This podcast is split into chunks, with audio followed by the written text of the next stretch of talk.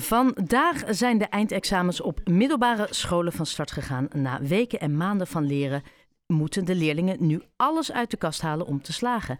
Die enorme druk om te slagen, goede cijfers te halen en vooral niet te falen. Hoe gaan leerlingen daarmee om? En hoe kan je als school hen daarbij helpen? We vragen aan Michael Friquet, trajectbegeleider bij Lyceum Santa Maria in Haarlem. Hi, goeie avond.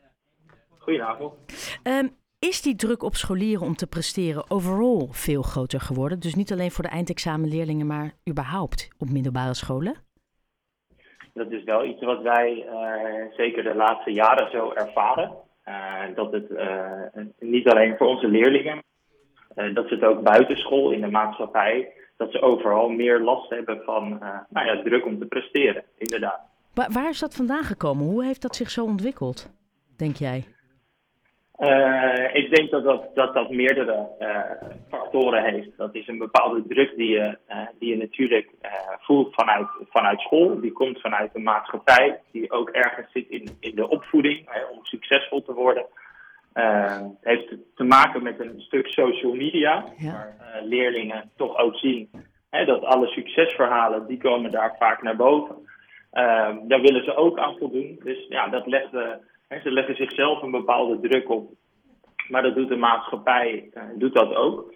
Um, want ja, dat is toch een, een vorm van succes en dat brengt druk met zich mee. Ja. En, en hoe uitzicht dat dan? Op, op bijvoorbeeld op school? Nou, op school uh, uitzicht dat in, uh, nou ja, in, in mindere mate van leerlingen die nou ja, in, tijdens de lessen bijvoorbeeld een blackout ervaren en daardoor minder presteren op een toets. Maar het kan ook oplopen tot leerlingen die echt bepaalde toetsen gewoon overslaan, omdat ze te veel druk bij zichzelf voelen om op dat moment te kunnen presteren. Ehm, het is zo dat er, dat er tot de meest extreme vorm leerlingen die echt gewoon uitvallen in het schoolsysteem ja, omdat ze de druk niet meer aan kunnen. En dan in aanloop naar de, eh, naar de eindexamens, verdubbelt het aantal leerlingen? Of is het aantal leerlingen dat hiermee te maken krijgt, met, uh, neemt dat dan toe? Ja, als je kijkt naar, naar de, wetenschappelijke onderzoeken die daarop gedaan zijn, dan zie je dat zo'n uh, eh, 13% van de leerlingen op middelbare scholen uh, spanningen ervaart als het gaat om het presteren, dus het maken van toetsen, presentaties, mondeling. En uh, in het eindexamenjaar verdubbelt dat bijna richting 25 procent. Dus dat zie je wel dat dat veel meer is. Ja. Hoe, hoe, hoe, hoe help jij ze? Hoe kan je ze helpen? Het is moeilijk. Uh, dat, dat, is echt iets wat je, uh, wat je als school met elkaar moet doen. En, en wat je eigenlijk als, als maatschappij, vanaf de basisschool tot de middelbare school, uh, tot zelfs in het hoger onderwijs, uh, wat eigenlijk in je lesgeven al zou moeten zitten. Ja. Uh, maar op de korte termijn kunnen wij uh, met, met gesprekken kunnen we aangeven waar bepaalde druk vandaan komt. leerlingen weten dat vaak zelf wel. Alleen komen uit zichzelf niet tot de antwoorden. Dus in gesprek met ze komen ze daar wel toe.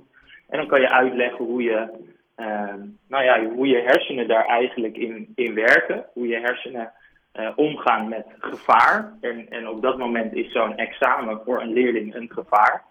Uh, ja, en dan gaan er bepaalde uh, zaken in je lichaam gaan werken. En die helpen dan op dat moment niet om tot een prestatie te komen. En als je weet wat er speelt en als je weet hoe je bepaalde gedachten kunt sturen, ja, dan kun je beter voorbereid een uh, examen ingaan. En tijdens een examen ook beter met die spanning leren omgaan. Ja. Merk, merk je dat dat verschil heeft? Uh, dat verschil maakt? Dat je het gesprek aangaat, dat je ze tools geeft om daarmee om te gaan?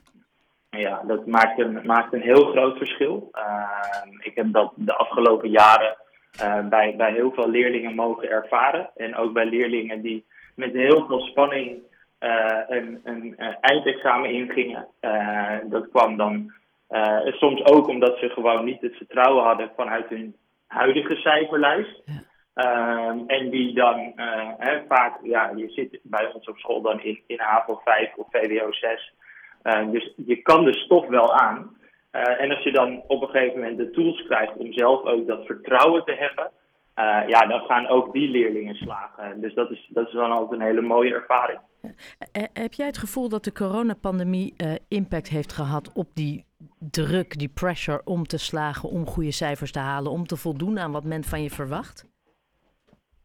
Ja, dat, uh, dat denk ik wel. Uh, ook, ook dat komt uit onderzoeken. Uh, dat, dat leerlingen meer druk ervaren.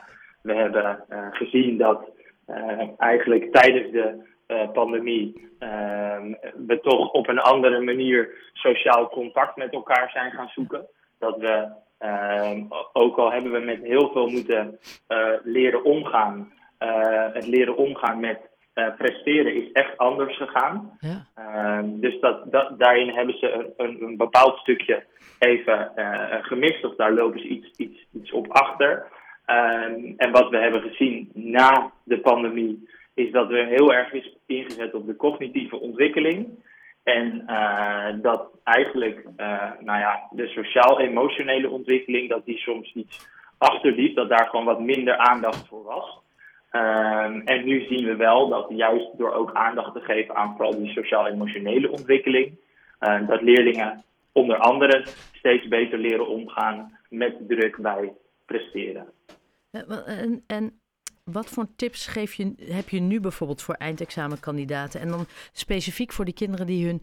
Ik heb het gevoel dat als je aan een, aan een bureau gaat zitten en je hebt je zenuwen niet onder controle, dat het eigenlijk niet meer uitmaakt wat je invult dan wordt het inderdaad een stuk lastiger. Uh, die uh, gedachten die leerlingen hebben, eh, de, dan over het algemeen de negatieve gedachten, die zijn heel sterk. Uh, wij zijn daar heel goed in om negatief te denken. Ja. En dat kan dan ook echt de overhand krijgen. Dus wat vooral heel belangrijk is zo op het laatst, is dingen niet heel veel anders te doen dan dat je ze altijd hebt gedaan. het is heel belangrijk dat je uh, voldoende slaapt, dat je goed eet, dat je blijft bewegen, dat je sociale contacten uh, blijft opdoen.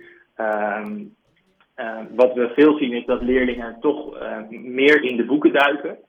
Ook ook s'avonds laat, ook soms nachten doorhalen. Ehm, en, en eigenlijk ja, heeft dat niet zo heel veel zin. Hè. Je, je hebt je voldoende voorbereid. Je hebt alles op school aangeboden gekregen. Er zijn bij ons op school bijvoorbeeld ook examentrainingen geweest die voorbereiding is bij heel veel leerlingen eigenlijk wel goed. Maar doordat ze dan uh, daar negatief over denken, blijven ze eigenlijk, schieten ze een beetje door in het leren, leren, leren. Ja, het belangrijkste is vertrouwen in jezelf en het komt wel goed waarschijnlijk. Ja, dan minder voor jezelf gaat zorgen, ja, dan heb je juist op het moment dat je die prestatie moet leveren, ja, dan heb je of slaaptekort, of te weinig beweging gehad, of onvoldoende en gezond gegeten. Dus ja, eigenlijk is dat het belangrijkste. Vertrouwen hebben in jezelf positief blijven denken. Vooral ook positief blijven kijken naar wat je allemaal wel al goed hebt gedaan. Ja, um, ja en dan knallen tijdens het examen. Het, zijn, het, zijn, ja, ja, het is precies zoals het is, maar soms neemt inderdaad je gedachten en dan precies wat je zegt, de negatieve gedachten de overhand en dan kom je er niet meer goed uit. Um, ik hoop dat inderdaad ouders van leerlingen of leerlingen zelf dit dan ook horen, gewoon doen en uh, rustig blijven. Voor hoeveel kinderen bij jullie op school is het erop of eronder? Uh, dat vind ik moeilijk om te zeggen. Is eigenlijk als je een eindexamen ingaat, en zeker als je het hebt over leerlingen die te kampen hebben met uh, prestatiedruk, is het eigenlijk voor allemaal erop of eronder. Ja. voor sommige leerlingen kan het gelden omdat hun huidige cijferlijst wat minder goed is. Maar zelfs voor leerlingen met zevens en achten op hun cijferlijst, zelfs die ervaren die negatieve gedachten. Dus zelfs voor, voor hen is het erop of eronder. Jeetje, ja, uh, ik, heel eerlijk, eh, wat ben ik blij dat ik dat niet meer hoef te doen. Ik vond het drama, maar dat volledig terzijde. Uh, Michael, heel erg bedankt voor je uitleg, voor je toelichting. Het is nog, het is twee weken hè, in totaal? Ja, klopt. Oké, en, en jij bent er dan gewoon die twee weken, ben je daar altijd voor de leerlingen dat als ze ergens mee zitten, dan is de school er uh, om ze ook tijdens de examens te steunen, vermoed ik. Zeker, dan kunnen ze ons altijd bereiken. Hartstikke mooi. Dankjewel, heel veel succes en nou, tot snel. Dankjewel. Dankjewel.